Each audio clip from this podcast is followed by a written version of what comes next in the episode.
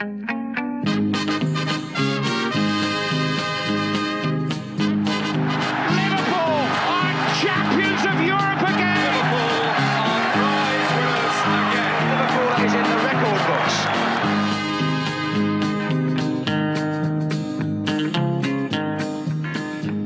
Hallå, hallå igen och eh, väldigt, väldigt varmt välkomna tillbaka till eh, LFC-podden som eh, är tillbaka efter lite, lite långledigt, lite förlängd helg åtminstone. Det blev lite extra ledighet och det var ju en sen Liverpool-match här igår måndag kväll som såklart också eh, flyttade fram eh, oss lite i agendan men eh, nu sitter vi här tisdag kväll, en stor Champions League-kväll som väntar alldeles strax och eh, för vår del ska vi såklart snacka om hur nära nu Liverpool kanske är just den där turneringen för kommande säsong. Det blev ju en extremt viktig seger på Vicarage Road i Watford igår och eh, vi har såklart samlat styrkorna här. Vi har eh, nystat i detta, sett på hur matchen utspeglades, vad som hände och vi såklart tar tempen nu på den här topp 4, topp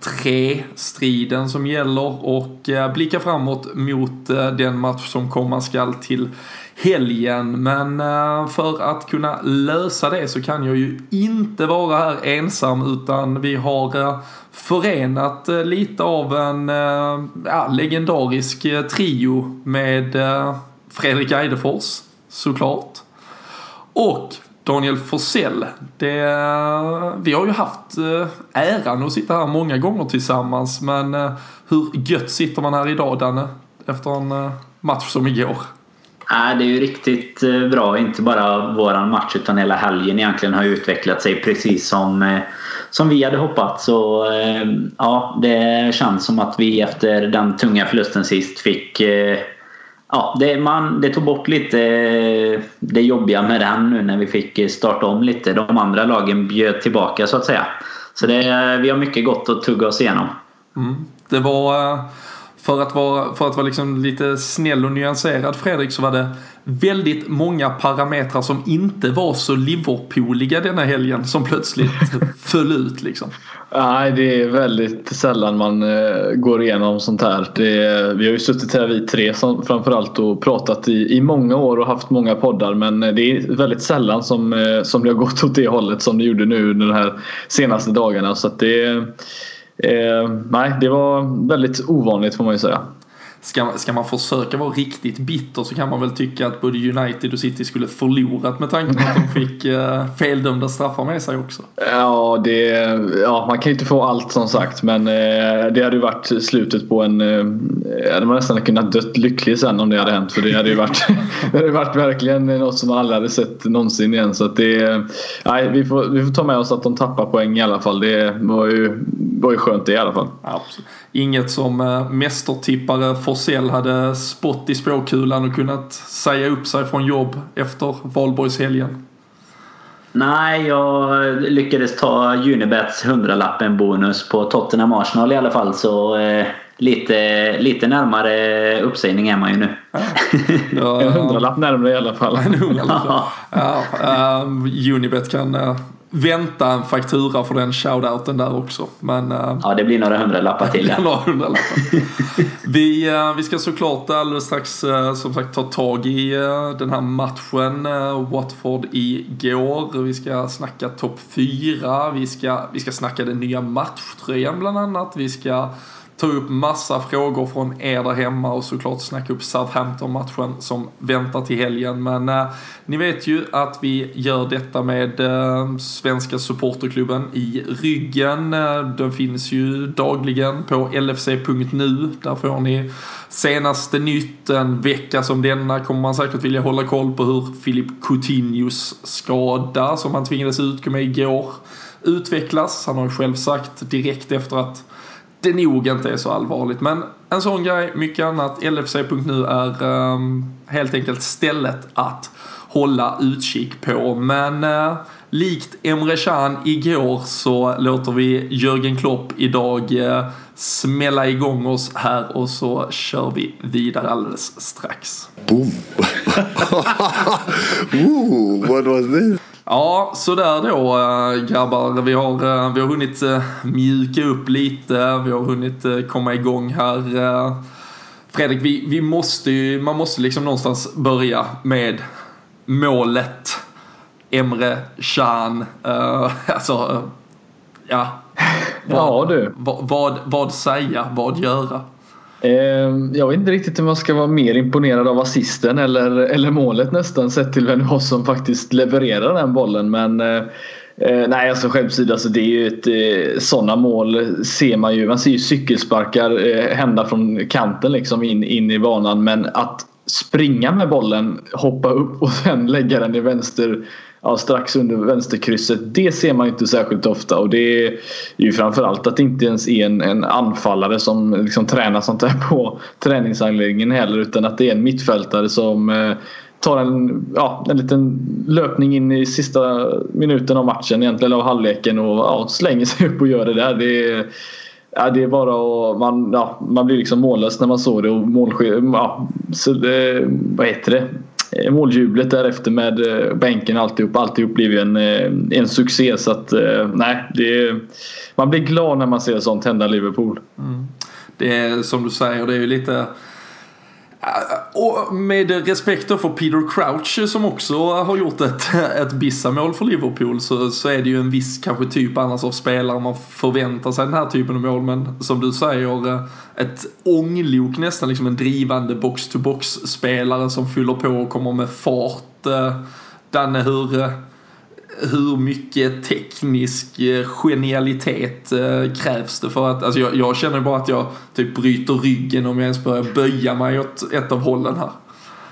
Ja, det är ju, det är ju riktigt eh, sjukt bra teknisk prestation och sen eh, som Eidefors är inne på också en spelare som kanske inte tränar det dag ut och dag in och sen är det väl i och för sig så att 99 gånger av 100 så så tycker vi att vad fan håller han på med? Varför nickar han inte bara eller tar ner den eller vad han nu kan göra. Men när den väl sitter så eh, nej, det är ju då, då får han gärna missa 99 kommande försök om han, om han sätter var hundrade som bara för det är så otroligt vackert. Det är, det är årets mål tycker jag faktiskt med respekt för alla de här skorpionerna och allt som har varit. Men det är just tekniskt eh, som du är inne på där, den prestationen att verkligen springa med och, och få upp den. Det blir ju extremt snyggt med när den sitter uppe i, i vänstra klykan där.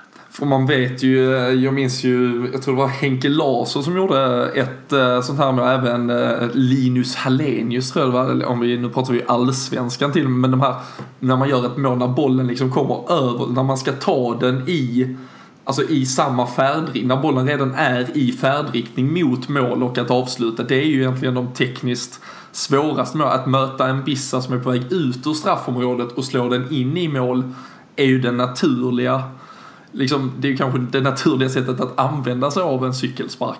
Här gör han ju det med en boll som som sagt redan är i färdriktning mot mål och, och det tycker jag gör det helt eh, sanslöst eh, sjukt egentligen och lite otajmat så gick ju Liverpool ut eh, två dagar före och eh, började samla in röster till årets mål för, eh, för klubbens del. Det kan väl krävas kanske lite revidering där kring det. Men vi, jag tycker vi lyssnar på vad målskytten själv hade att säga efter det där målet. Det var, det var svårt att hålla sig för skratt tror jag i och för sig för honom. yeah, I never scored a goal like that. I think just when I was younger. But yeah, the most important is that we got three points, and uh, of course we knew before the game what happened yesterday, the other results, and now it was a big, big game for us. And then uh, yeah, we did we did it well, I think, but uh, it cannot happen again in the last minute. But uh, we are very happy that we got the three points. Yeah, of course, you know, I think we are sometimes too scared when we have a set piece against us. We have to relax more. We have to we have to have the confidence that we clear the ball. And uh, but yeah, but we are happy we got the three points. That's the most important today. Ja, eh, som sagt där Fredrik, det är en ganska, ganska nöjd målskytt. Eh, även om han är inne på en del annat nu här. Det här var ju en eh, intervju efter matchen. Vi, vi kommer ju prata mycket om, eh, om tak taktiska grejer och annat. Men om vi fokuserar, vi stannar lite vid målet ändå. Um, är, det, är det bland det snyggaste man har sett i en Liverpool-tröja?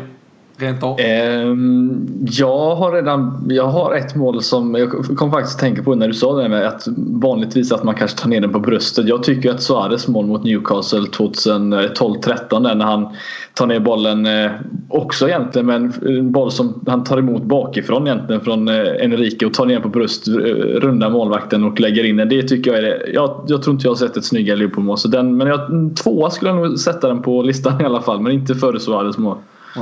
Jag har ju också en personlig favorit i Fernando Torres gör ett mot Blackburn. Vi vinner med 4-0. Jag vet bara att det var en påsk. Det kan ha varit kanske 6, 7, 8 år sedan. 09 var det i alla fall. Var, var det 09 till och med? När Carragher mm. lägger en långboll som han också ja, sveper med sig och drar in i... Äh, det, men äh, faktiskt alla tre har ju gemensamt då att man liksom nyper en, en boll som redan är i en färdriktning. Och eh, Danne, de här tre målen har faktiskt, inser jag nu, en annan gemensam nämnare. José Enrique, Jamie Carragher och Lucas Leiva som assistläggare. En sån sak bara. Assistkungarna. Ja, det är. Och, ja, och jag vet ju att du har rykande färsk statistik på hur bra Lucas Leiva nu har blivit i det offensiva spelet. Vi kan ju konstatera att han har gjort eh, lika många assist de senaste fem matcherna som eh, miljardvärvningen Paul Pogba har gjort för United. Jag vet inte om det är... Eh, ja, det, det är kanske ett underbetyg till Pogba. Men vi ska ju ha bra betalt för Lukas om han går i sommar i alla fall. det kan vi konstatera. 1,2-1,3 miljarder. Ja, han, har spelat, han hade spelat tror jag 1600 minuter färre så man får väl göra någon liten formel där men det hamnar strax över två kanske. Ja. Nej, det blir, blir en tuff transfersommar eh, återigen. Um, Köper vi hem Andy Carroll sen. Ja, det... The Netspend boys are at it again.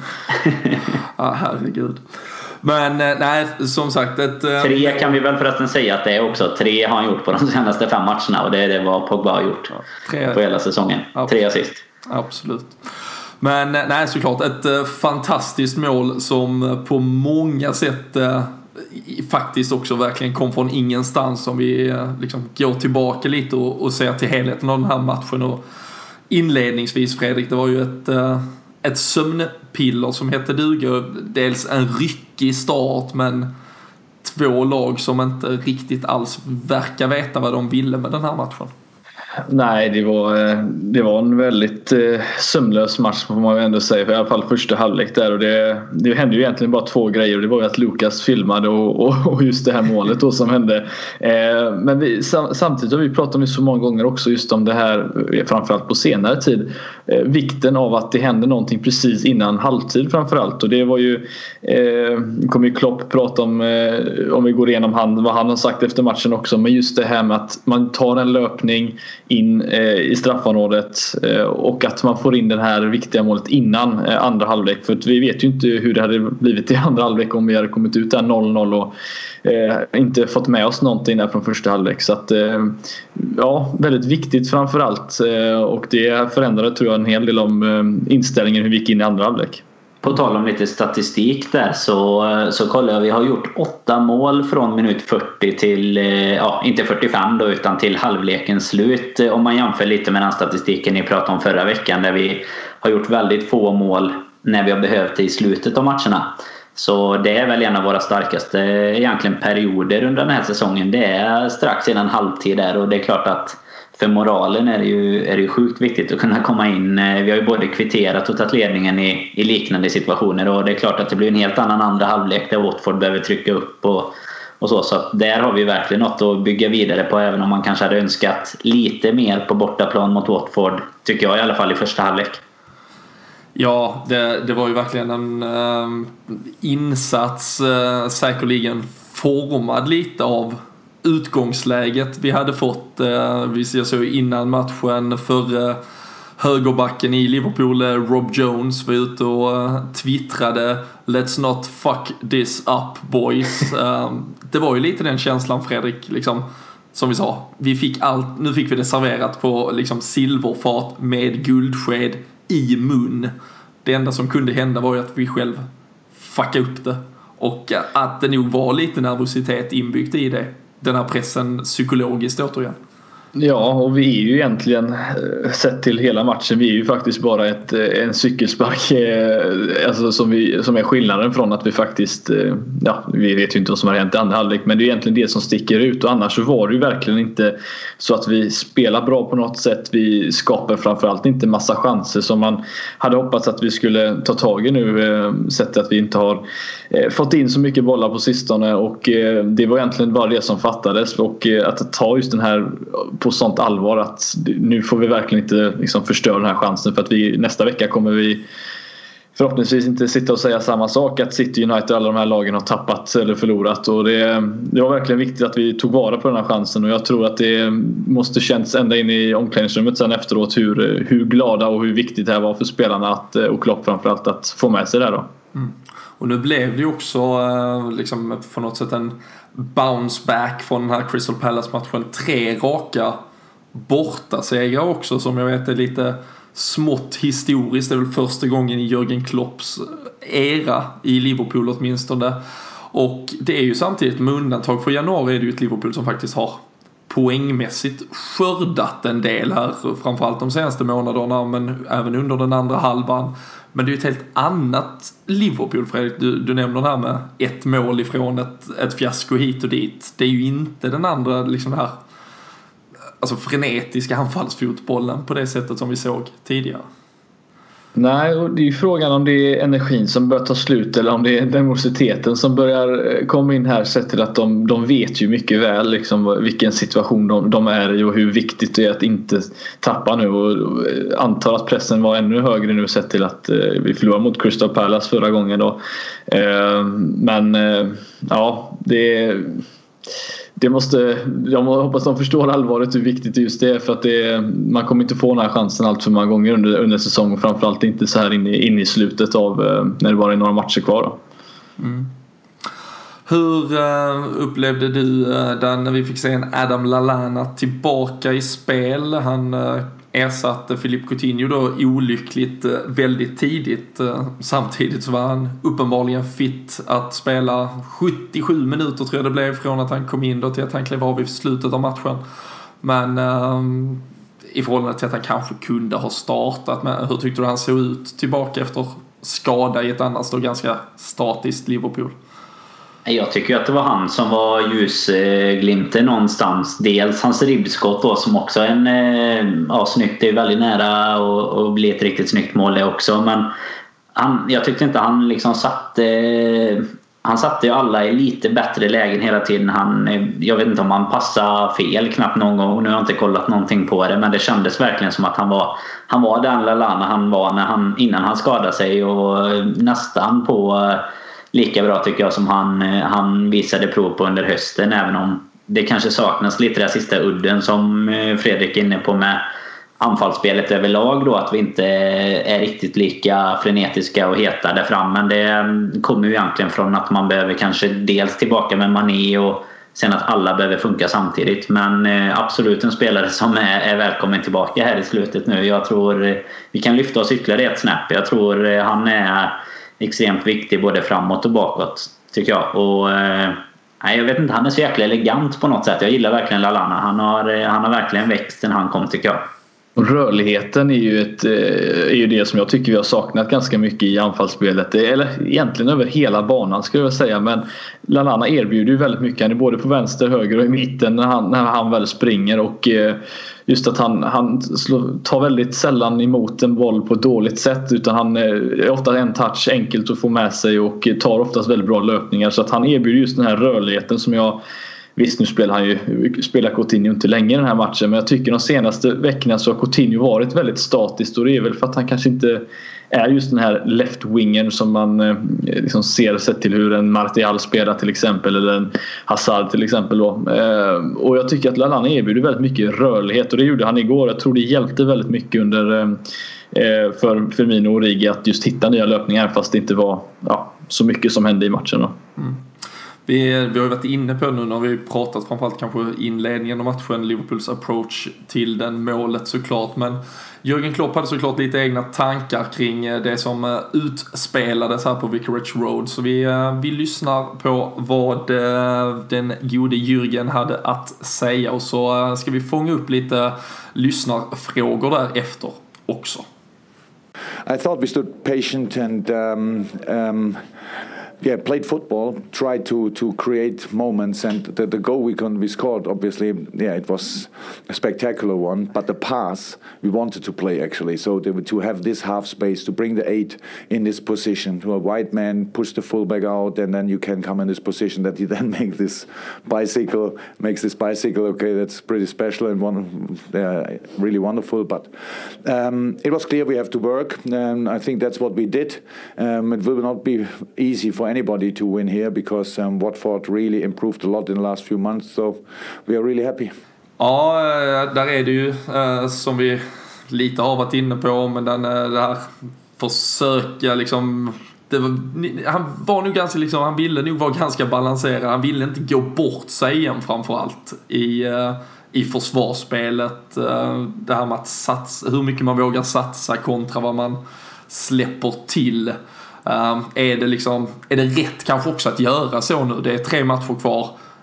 Det absolut enda som betyder något är kanske just poängen och absolut inget annat. Även om det kan bli en målskillnadsbatalj mot City som vi också ska snacka om. Men, men det är såklart något man kanske inte ska förbereda sig på. Så är det ju. Det, det kan ju hänga på lite mål och det är klart att det hade ju varit tufft i det läget men eh, precis som du är inne på så tänkte väl de flesta innan matchen med att vi, vi skiter i hur det ser ut bara vi vinner det här. Det får liksom bli det får vara ett läge hela matchen om det så vill och det är inte nu man ska utveckla eh, taktiker eller eh, ja, man ska hitta massa nya spelmönster och sånt. Utan nu handlar det om att, att, bygga vidare på det man har gjort under säsongen och det kommer ju se helt annorlunda ut eftersom man antagligen kanske både på spelare och man har tid att, att spela ihop sig. Så att nu, nu handlar det egentligen bara om att ta de här viktiga poängen.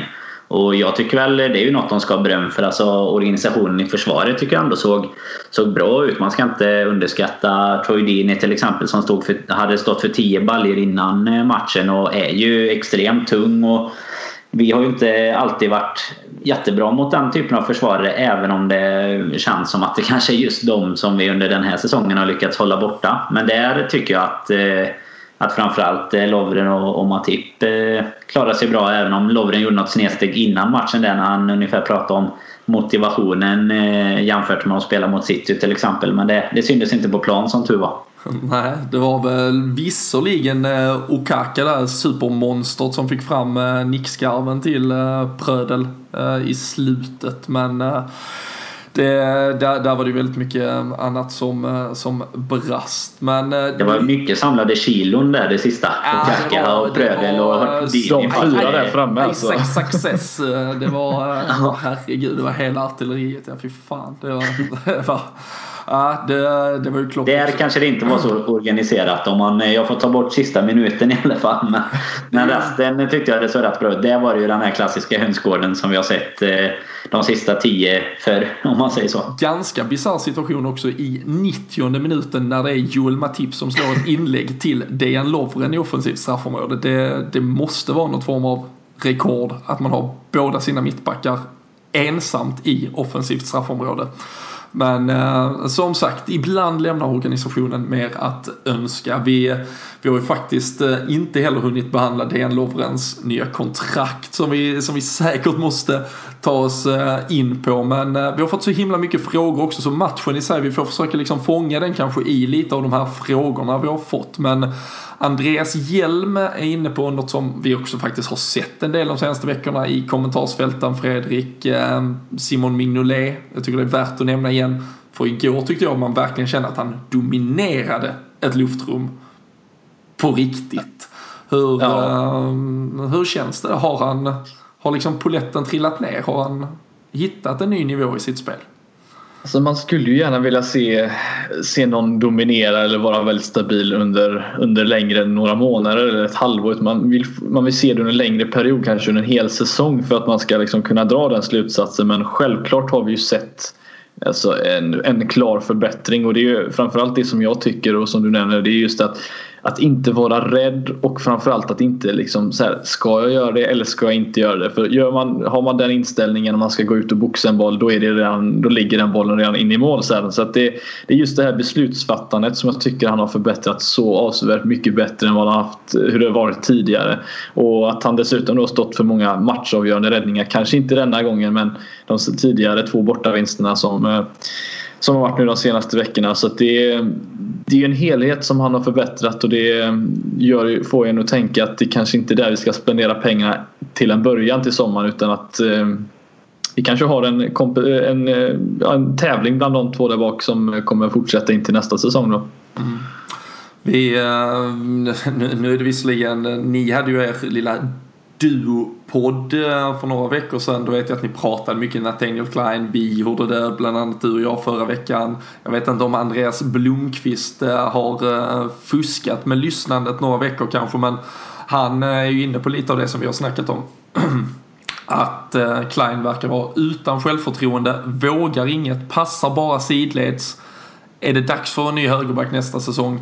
Eller kan vi satsa på Trent Alexander-Arnold? Och eh, där väl egentligen med tanke på att jag vet att vi här är ganska eniga att vi inte är så imponerade av Klein, eh, Danne, så är väl snarare frågan om du tror att en Trent Alexander-Arnold tillsammans då ändå med Klein på något sätt är ett tillräckligt alternativ för nästa säsong eller är det faktiskt så pass aktualiserat nu så att en högerback faktiskt ska upp på listan. Vi har ju sett att Dejan Lovren har fått ett nytt kontrakt vilket man då kan ifrågasätta hur mycket mittbackspositionen. Vad tror vi där? Jag tycker väl eh, det finns andra positioner som är viktigare men eh, precis som du säger, vi har ju varit inne lite på det och det är klart att ska det nu eh, spenderas med, med stora plånboken som det har ryktats lite om så är det väl absolut en position att titta på för det, alltså en, en modern och duktig ytterback kan ju bidra extremt mycket till uppbyggnaden och anfallsspelet också vilket jag inte tycker att Klein gör eller har gjort och han har varit lite sådär egentligen under hela, hela säsongen lite i bakgrunden eller vad man ska säga. Han gör ju kanske inte de mest största tabbarna men sen bidrar han inte jättemycket, kanske varken framåt eller bakåt. Och, och precis det som, eh, nu tappar jag namnet, men var det Andreas han hette som hade frågat där?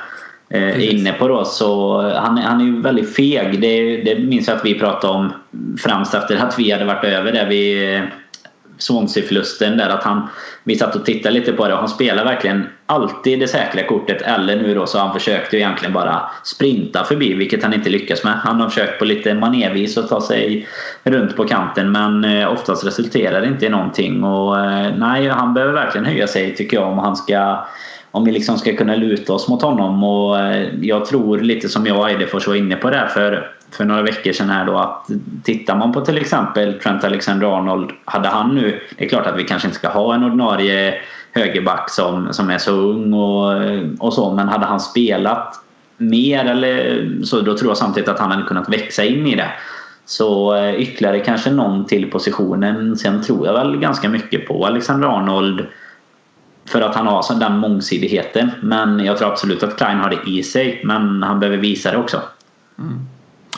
En eh, annan spelare som är eh, väldigt glädjande eh, trots allt eh, var tillbaka. Det kändes väl som att man kanske hade sett det absolut sista av honom här för någon vecka sedan. Det var eh, Daniel Sturridge. Eh, Fredrik kom tillbaka. Man vet ju absolut aldrig var man har honom. Eh, Viktor Pettersson, Petersson var eh, inne på eh, honom, hans situation och frågar här också på Twitter då hur vi ser på det här.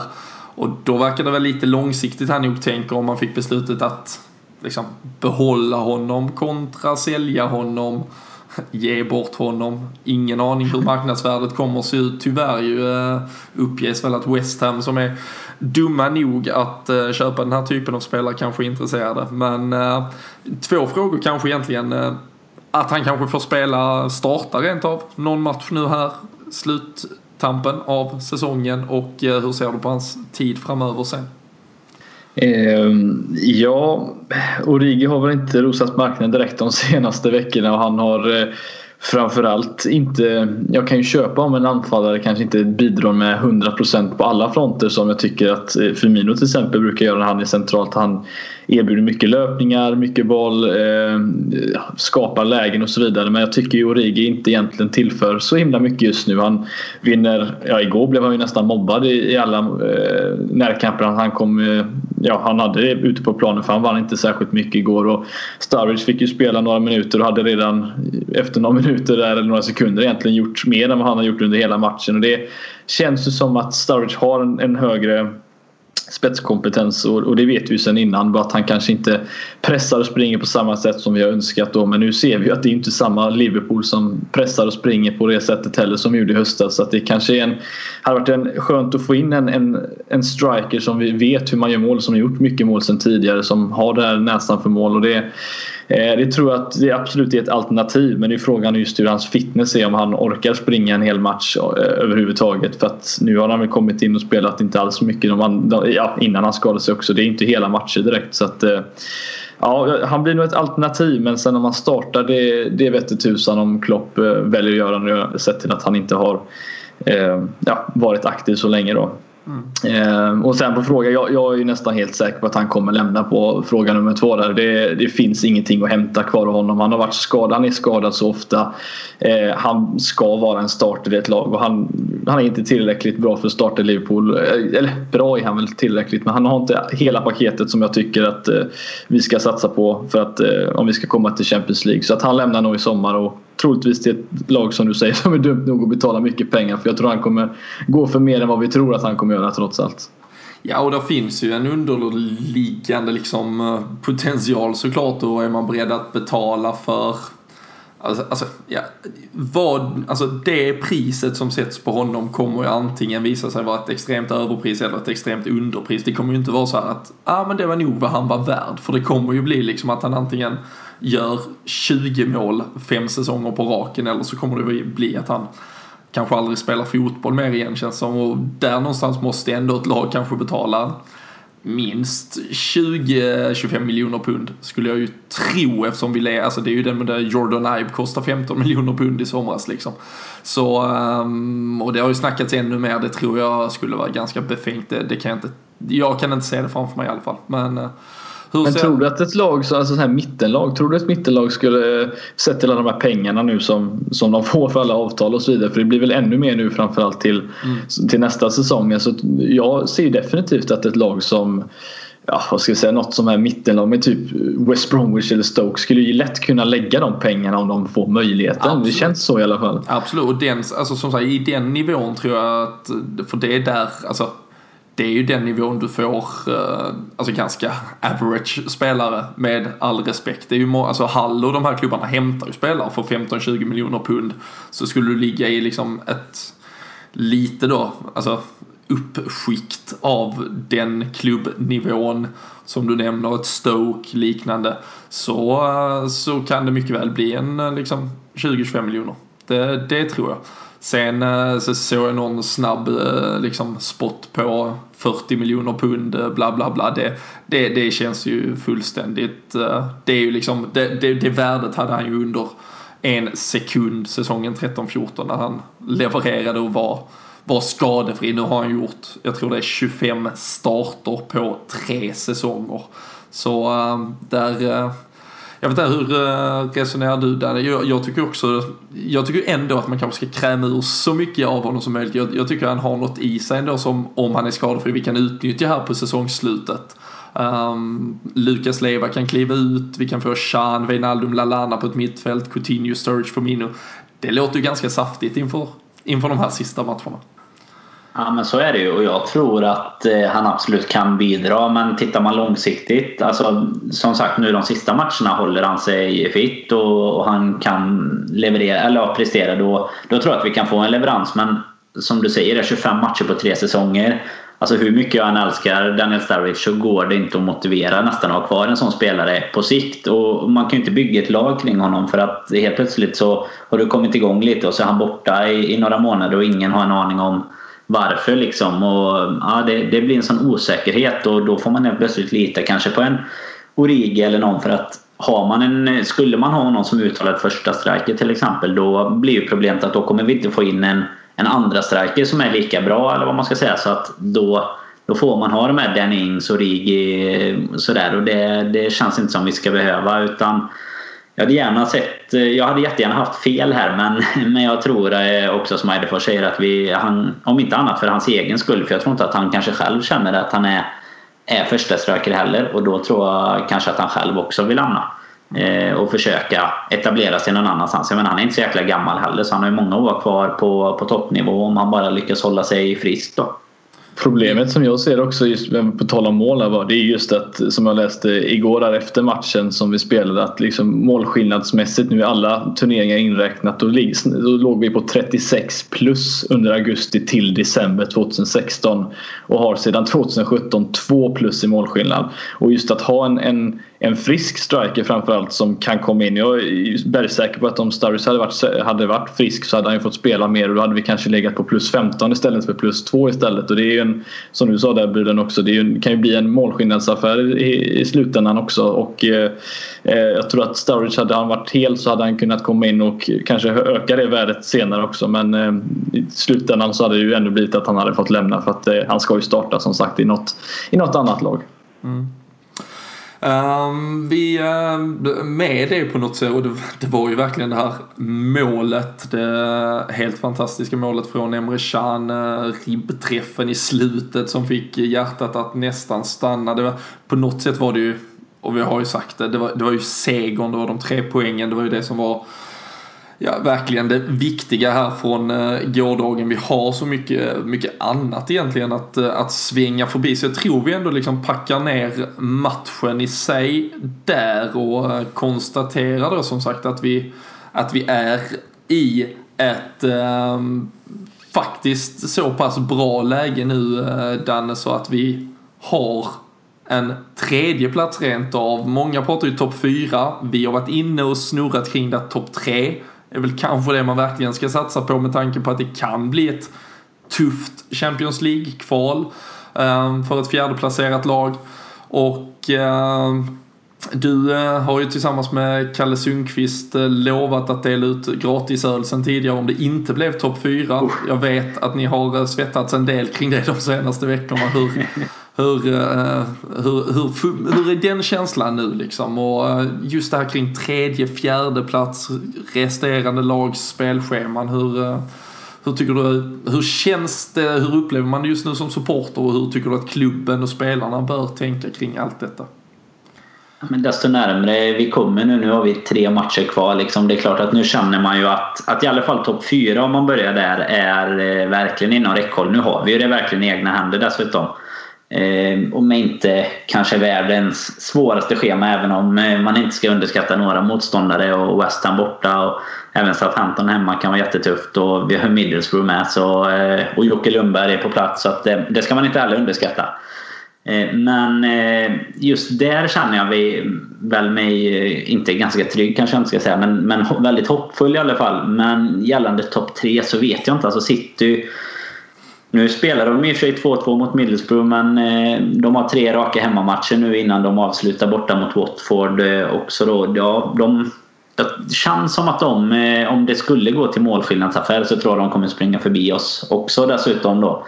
Så jag, jag tror väl någonstans kanske att och är väl, är väl någonstans glad över det med om vi, om vi lyckas ta fjärdeplatsen så men det är klart att det, det är väl bara en liten bit på vägen men eh, ja, jag, jag, vet lite vad du, vad du suktar efter också. Vi, vi kikade ju här innan eh, Grujic var ute och, och nämnde att eh, ja, vi har tagit tre nya poäng och eh, nu ska vi liksom ännu närmare topp fyra. När man ändå har en tredjeplats inom räckhåll och det är väl det är lite, lite oroande faktiskt tycker jag när, när spelarna också kanske känner att ja, men det är det som är våran våran prio om man säger så. Någonstans borde det vara nästa match och, och, bara satsa på att gör vi vårt jobb så, så kanske tredjeplatsen som vi innehar nu till och med är det som vi, vi kan ta. Och det, det är ju... Man kan prata hur mycket som helst om topp fyra men alltså topp tre är ju väldigt mycket bättre om man säger så. Och Ja. eh, komma få en gratisbiljett in i turneringen. För det är ett tufft kval början på säsongen och, och så. Så att eh, nej, det, det hade väl varit fint om man hade kunnat hamna där. Ja. Men det är som sagt, det är Alltså det, det är extremt många liksom, sidor av, av det här myntet om man säger så. Och, eh, jag, som, som, du, som du nämner där, det var just det jag såg en eh, Instagram-bild från Marko Grudzic uh, eh, som han la upp det här med att uh, liksom, kampen för topp 4 fortsätter. Det är liksom lite som att säga att ja, nu ska vi bara tappa max en position. Alltså det, det är ju ett feltänk känns som även om jag såklart, alltså, jag förstår att han inte lägger mer tanke i det än att han menar ju såklart att vi liksom kör, vi kör för Champions League.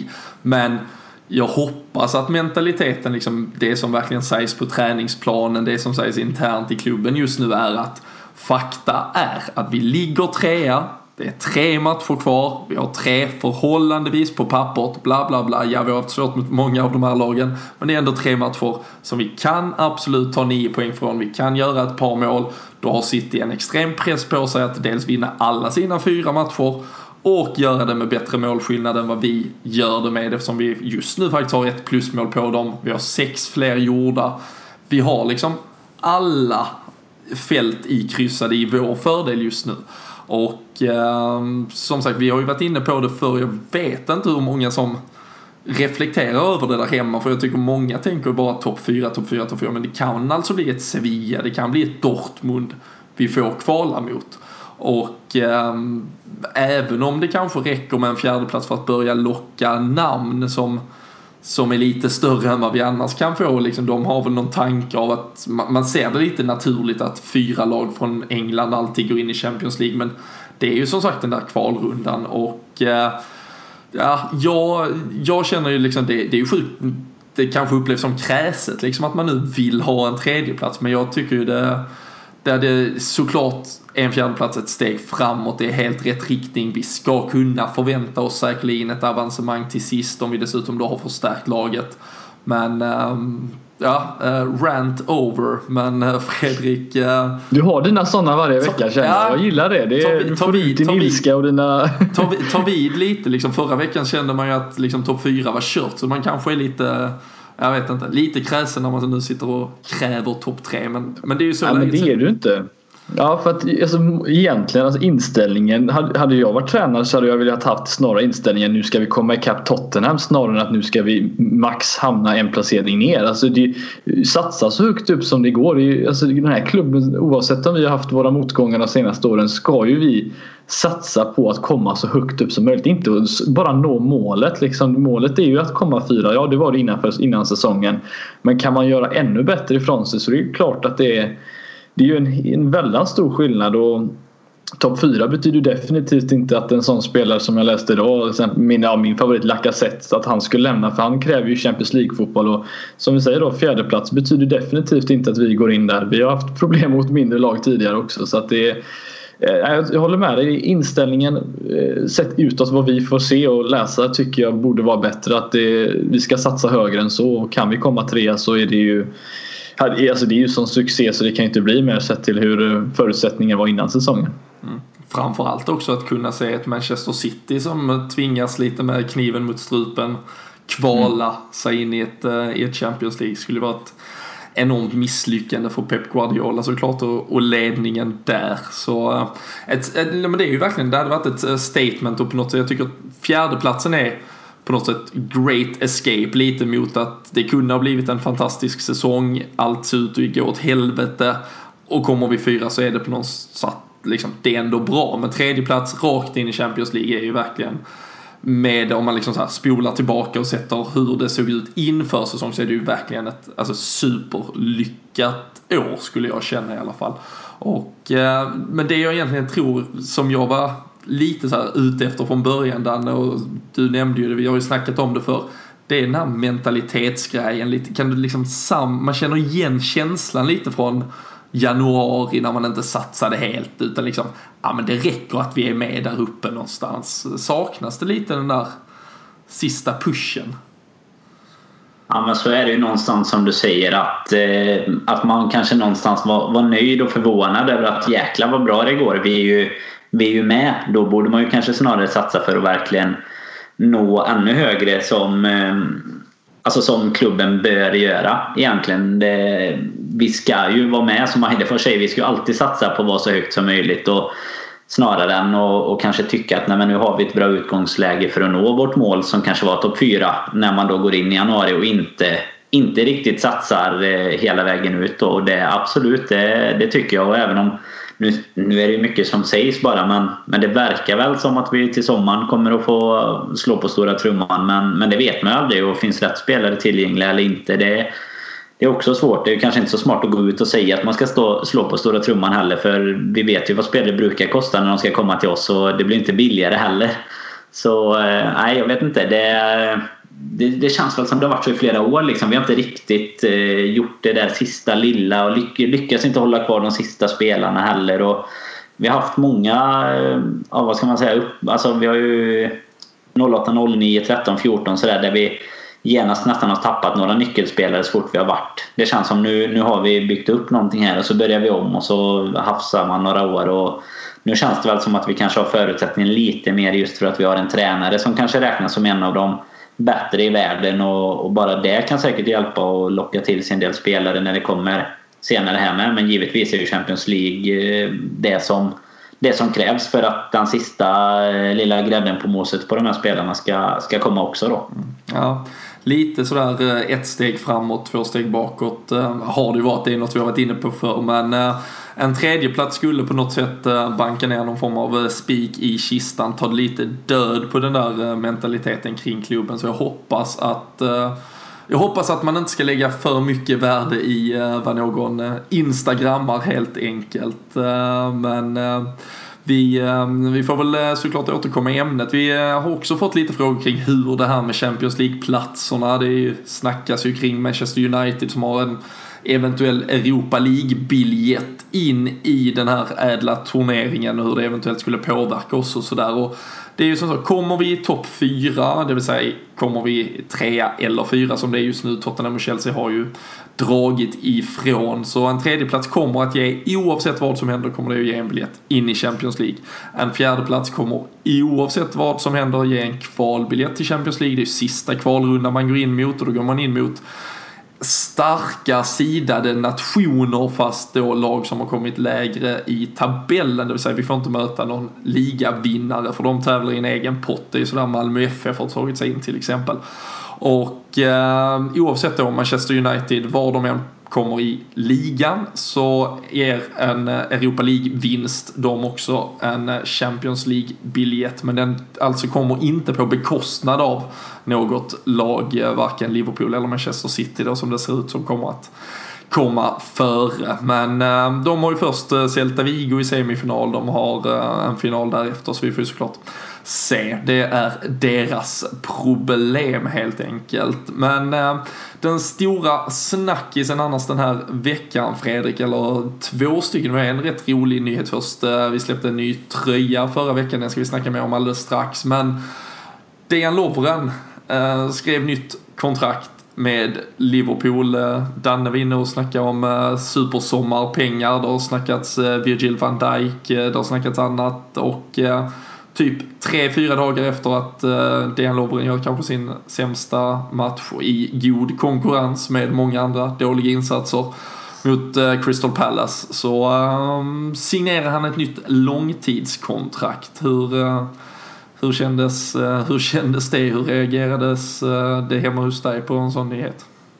Ja, det var ju en, eh, såklart en, en dubbelsmäll sett till vad man har sett innan och att, och att detta skulle ske. För jag tycker, och det här är ingenting som man tycker för att han har spelat dåligt några matcher utan jag tycker inte han är tillräckligt bra för att eh, vara en, en framförallt då som Klopp kallar honom och många andra, en ledargestalt liksom som ska föra ett försvar. Det är han definitivt inte tillräckligt bra för. Och vi vet ju sedan tidigare i Southampton-tiden hur bra spelare framför, framför sig han hade eh, och även vid sidan om och bakom honom. Och eh, det har han ju inte nu på något sätt eh, så att då kan ingen rädda upp honom. För han gör fortfarande väldigt konstiga misstag, eh, står för väldigt konstiga ja, vet inte riktigt. Så man, man vet inte riktigt om man tänker till när han gör det han gör. Eh, så att jag blev ska säga inte chockad blev jag inte för jag visste att det någon gång skulle hända för att eh, det är ju han eller Klavan det skulle stå mellan i så fall.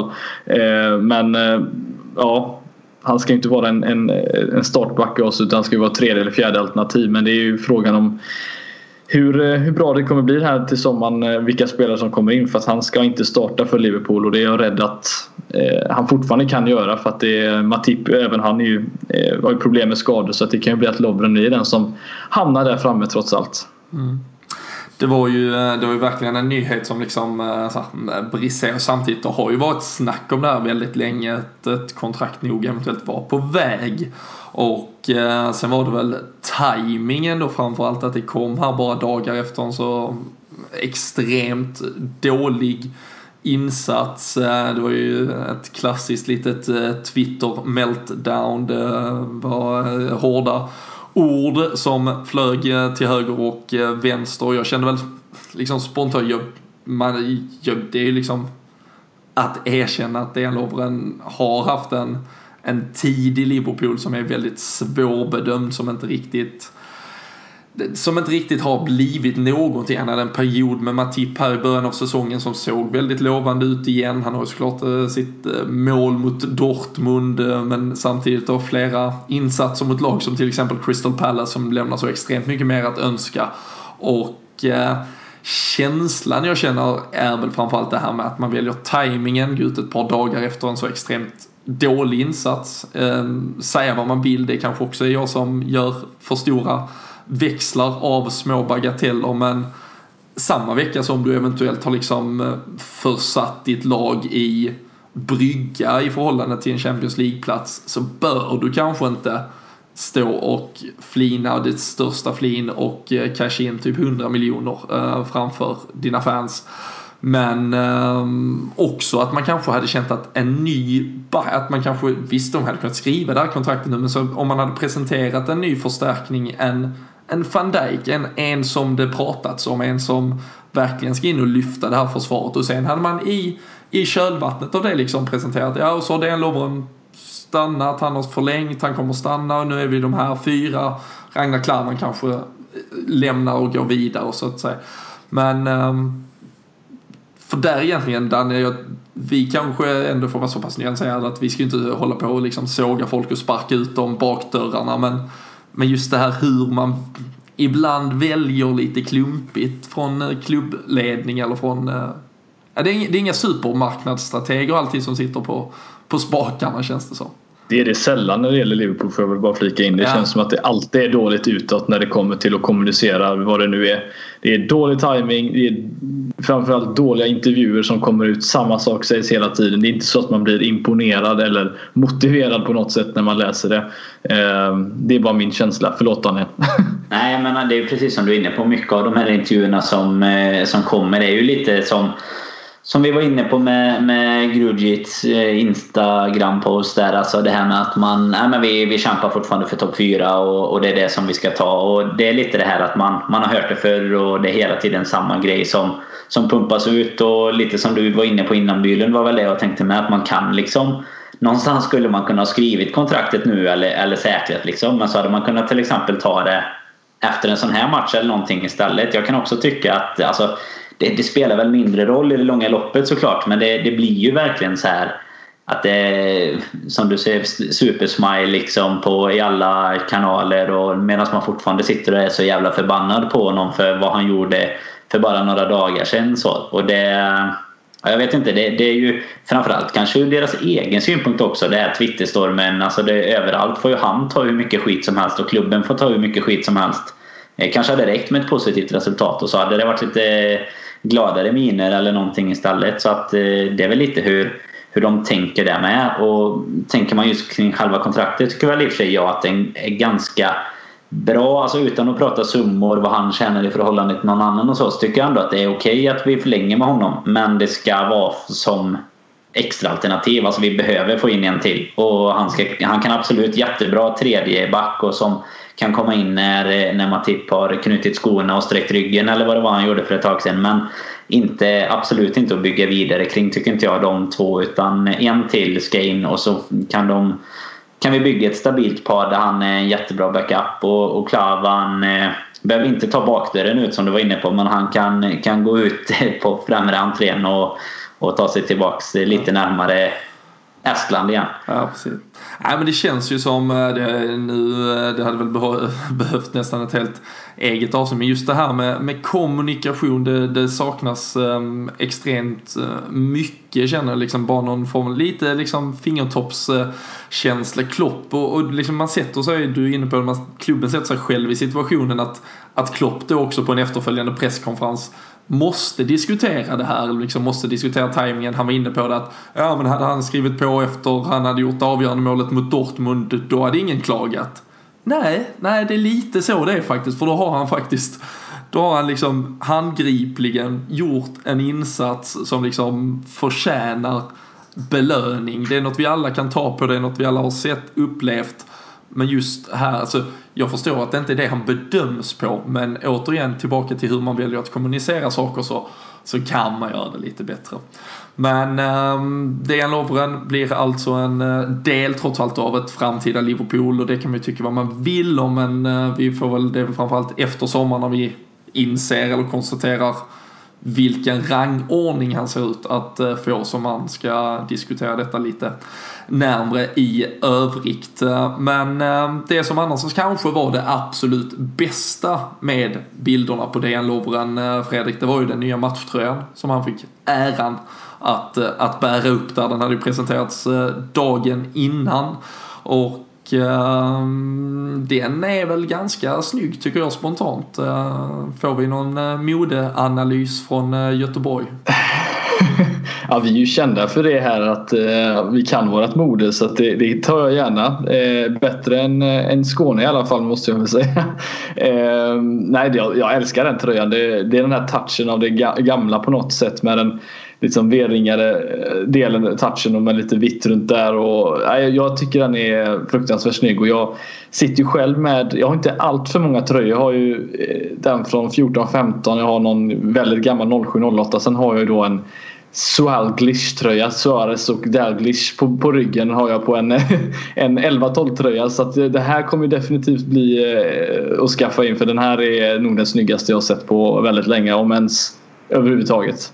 Mm hur, uh, alltså Swalglish tröjan, den minns jag ju när du ska, det, det, det är nästan, det, den behöver också en podd Vilka blickar jag fick ja, när jag, när jag ja, tryckte den kan jag säga. Ja, det, ska vi säga, om det blir, eh, om det blir en tredje plats för, eh, för Liverpool så vill vi ha en bild på dig i Swalglish tröjan. Kan vi... Ja, det, det, det, det, kan vi skaka hand på över nätet här nu direkt. Den är, den är lovad. Danne, Borås annars eh, textilhuvudstad eh, i Sverige så kanske att du ska knoppa av eh, Fredrik från modetronen och, och komma med något annat utlåtande. Ja, men det, det får jag nog göra. Men jag har nog samma utlåtande faktiskt. Jag tycker den är riktigt eh, snygg. Och det, jag, jag är lite så förvånad för tröjorna brukar alltid vara lite så här tudelade. Kollar man Twitter och sånt här så är det alltid så att Vissa tycker att det är det fulaste de sett och vissa tycker det är de snyggaste de sett. Men jag tror inte jag har sett någon faktiskt som tycker att den, är, att den ens är eh, okej okay eller någonting. Utan alla skriver verkligen att det är, den är så jäkla snygg och verkar vara både i, i Sverige och England och på andra ställen. Så att eh, det är, eh, där har de gjort ett populärt val i alla fall och lyckats med, med någonting här. För den är riktigt bra. Jag kan inte knappt komma på vad som skulle kunna vara bättre på den. Nej, namnet på ryggen. Namnet på ryggen Ja, nej, men det är en grej som saknas och det är ju ett, det är en Champions League-pokal med fem stjärnor på. Det är det enda som har varit perfekt på den. Det hade varit, eh, då är vi färdiga sen. Då, då är vi färdiga. Ja, nej, vi, vi får, nej, men den är fantastisk eh, tröja är väl eh, kort, eh, kort kommentar då från Skåne som Fredrik har total dissat nu här. Så, men den, den finns ju tillgänglig nu också för förbeställning åtminstone hos våra vänner på Sam Dodds. Det lär vara att göra för deras del när den nu börjar skickas ut här om någon vecka. Jag tror det är mitten av maj, 19 maj kanske till och med. Men eh, vi, eh, vi snackar ju faktiskt med grabbarna på Sadden Dodds eh, i samband med att den släpptes och eh, de eh, är ju själva stora fans av LFC-podden så de lovar att slänga in en matchtröja i veckans tipstävling. Det är ju Southampton-matchen nu till helgen som gäller. Och ehm, då kommer man alltså en eh, lycklig vinnare där eh, roffar åt sig den nya matchtröjan för nästa säsong. Så eh, har ni, brukar ni sådär halvhjärtat delta i de här tipstävlingarna, se till att göra det nu och ehm, all info kommer såklart på Twitter eh, under veckan. Eh, och då blir det också en sån här förbeställning så även om man vinner den nu till helgen kan det vara ett par veckor tills leverans så att man vet om det. Men äh, lite äh, osökt eller kanske ganska planerat så tar det oss in till den där äh, matchen nu till helgen Fredrik som är då 33,33 procent av resterande säsong. Sista ljuva stegen in mot målet. Eh, hur, eh, hur känns det då? Southampton på hemmaplan, alltså ett, eh, lite av ett, ett boogie-team i vintras. Slog ut oss ur ligacupen i semifinalen. De lyckades ju verkligen nolla oss. Vi har haft extremt svårt på senare tid med målskyttet mot dem. Men måste ju åtminstone göra ett till helgen um, i en för dem helt obetydelse eller betydelselös match. Ja, det, jag tror att det är, det är dags att göra ett mål på dem och, få, och visa att, eh, att vi faktiskt är ett bättre lag för det har vi inte riktigt visat under, under säsongen tidigare då. Men eh, nej, som du säger, det spelar ingen roll för dem egentligen vad som händer i den här matchen och det är väl både på gott och ont skulle jag vilja säga sett till att det kan nästan bli lite hånfullt då om vi inte lyckas eh, lyckas med något eh, vidare bra resultat i den här matchen. Men jag är ganska Eh, känns ändå ganska bra nu. Starwich tillbaka, Lalana tillbaka, eh, hemmaplan. Eh, solen kommer säkert skina och det kommer vara en bra match. Jag, jag, är rätt positiv till att vi kan få med oss ett bra resultat trots att de har varit som du säger lite av ett boogie-team. Eh, det är inte så att de har spelat ut oss på något sätt men de har varit effektiva framförallt. Eh, både kontringar och i straffområdet så att eh, hoppas att vi får se mindre av det till, eh, till helgen då inte bara modeexpert men nu också metrolog som lovar sol på lördag. Danne, hur fan kom ja, man på detta? nu. Ja, ja, absolut. nej, nej, man visste ju att han var gud så eh, ja. hur, uh, hur är din känsla? Och vi snackar lite namn som eventuellt om det blir några förändringar i startelvan. Tror du vi får se något något nytt. Vi, vi leker väl ändå med tanken att uh, Filip Coutinho är tillbaka med tanke på att det verkar vara en lårkaka som han nog kanske redan har gått av sig på Melwood under dagen. Ja, men jag hade väl gärna sett eh, Lalana mot Origi där och så Firmino in i mitten om man hade fått, eh, fått önska om man kan få skicka en, ett eh, sms till Gode Klopp där innan matchen. Så det hade väl varit vad jag hoppas på om eh, Coutinho är tillbaka som du säger. Ingen av er som radikaliserar lite och slänger in Daniel Sturridge redan? Tycker ni mittfältet där, det är ju annars där Adam Lallana också kanske har gjort sig bäst stundtals men ingen kanske petar assistkungen Lukas Leiva just nu. Alltså jag tänkte lite på det när, när du ställde frågan. Men det är just det här att han har spelat så extremt lite nu så jag vet inte om jag hellre kanske har honom som inhoppare om man tar just Starwich då. Eh, sen finns ju givetvis alternativet att kanske behålla Origi och så byta ut Lukas till exempel. Men eh, nej, jag, jag vet inte i och för sig. Jag, jag säkrar gärna upp eh, bakåt om man ser det så också. Just den här organisationen som vi pratade om innan som man hoppas kan, kan hålla över 90 minuter eh, plus stopptid då egentligen. Så eh, Nej, det, det, är min önskelista. Så får jag passa vidare till meteorolog göteborgaren, modeexperten här nu. ja, Lalana hade, ju, Lalana hade ju bara tränat två gånger sa ju Klopp inför den här matchen. Så att eh, om han startar, det, han känns ju ändå på något sätt som att han, han sprang ju den här matchen som att han hade tränat mer än två gånger måste jag ju säga och rörde sig eh, ganska mjukt och fint. Så att det kanske är så att han kommer in och, och startar ändå. Eh, men jag tror inte att Sturridge kommer in och, eh, och tar en startplats. Jag tror tror fortfarande han kommer vara inhoppare. Men han kommer nog få mer än vad det var nu fick. 10 minuter, 5 minuter eller något sånt där. Mm. Han kommer nog få mer än så tror jag till eh, mot Southampton i alla fall. Mm. Och eh, James Milner fortsätter som vänsterback Fredrik. Ja, det har vi ju delade åsikter om. Och, eh, men det får vi, det, även precis som Lovren, att vi skulle haft en podd om honom. Det är hans inlägg och hans hörnor kan vi gärna podda om någon annan gång också när jag är på bättre humör. Så att. Har, man, eh, har man inget att göra nu efter att eh, podden här alldeles strax avrundat så kan man ju följa Fredrik Eidefors på Twitter och se när han lägger upp bilder på hur dåliga inlägg James Milner slår bland annat. Men ja, där kan man ju tyvärr konstatera att Alberto Moreno verkar ha spelat sig själv ifrån all eventuell eh, konkurrens. Men, eh, men det är ju trist eh, i matcher nu som vi då förväntas för också att man inte har ett ett bättre alternativ där. Jag, jag är också inne på, jag tror det blir den startelvan som du nämnde den inledningsvis. Vi behåller nog mittfältet, startar Lalana, Coutinho och Firmino. Framförallt så får vi in Firmino centralt då också och bara det brukar ju ge en en helt ny injektion och eh, att däremot då ha både Sturridge och Origi förhoppningsvis, eh, det, är ju, det är ju fem dagar till match så Daniel Sturridge kan ju lyckas med vad som helst däremellan. Men eh, annars är det ju eh, goa alternativ att eh, ha på bänken. Och eh,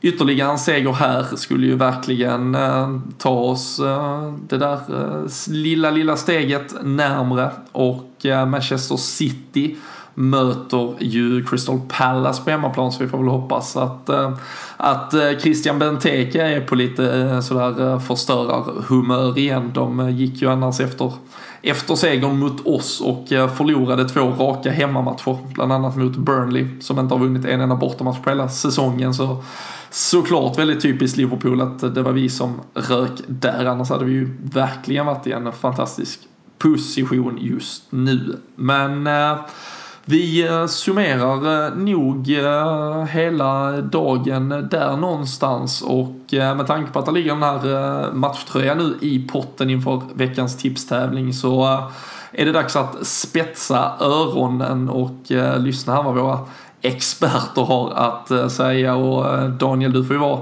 först ut med, med ditt bevingade track record än så länge. Ja, men så är det ju. Jag vill bara nämna också, vi har ju det som är ganska gött i helgen är att vi har Arsenal United också direkt efter oss där som också givetvis kan påverka mycket i, i platsen om man tar topp 4 då. Eh, om man säger City som eh, största konkurrent till eh, topp 3 just nu då i alla fall så eh, är det ju mycket som kan hända för just de platserna om vi bara kan lyckas vinna då. Men eh, till tippet så, så tippar man 2-0 som resultat om man, om man vill vara nära den här tröjan och sen får man, får man känna lite på vem som ska göra sista mål och, och vilken minut det blir för så jag håller mig till resultatet.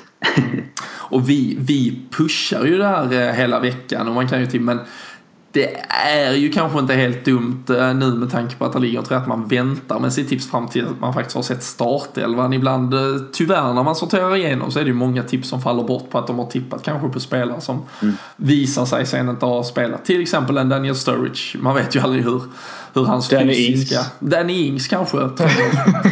Ingen, äh, en högoddsare åtminstone. Fredrik, du har spått äh, vädret, äh, modetrender, allt annat. Hur slutar Liverpool Southampton? Jag gör ett hattrick och gissar på 2-1 Liverpool.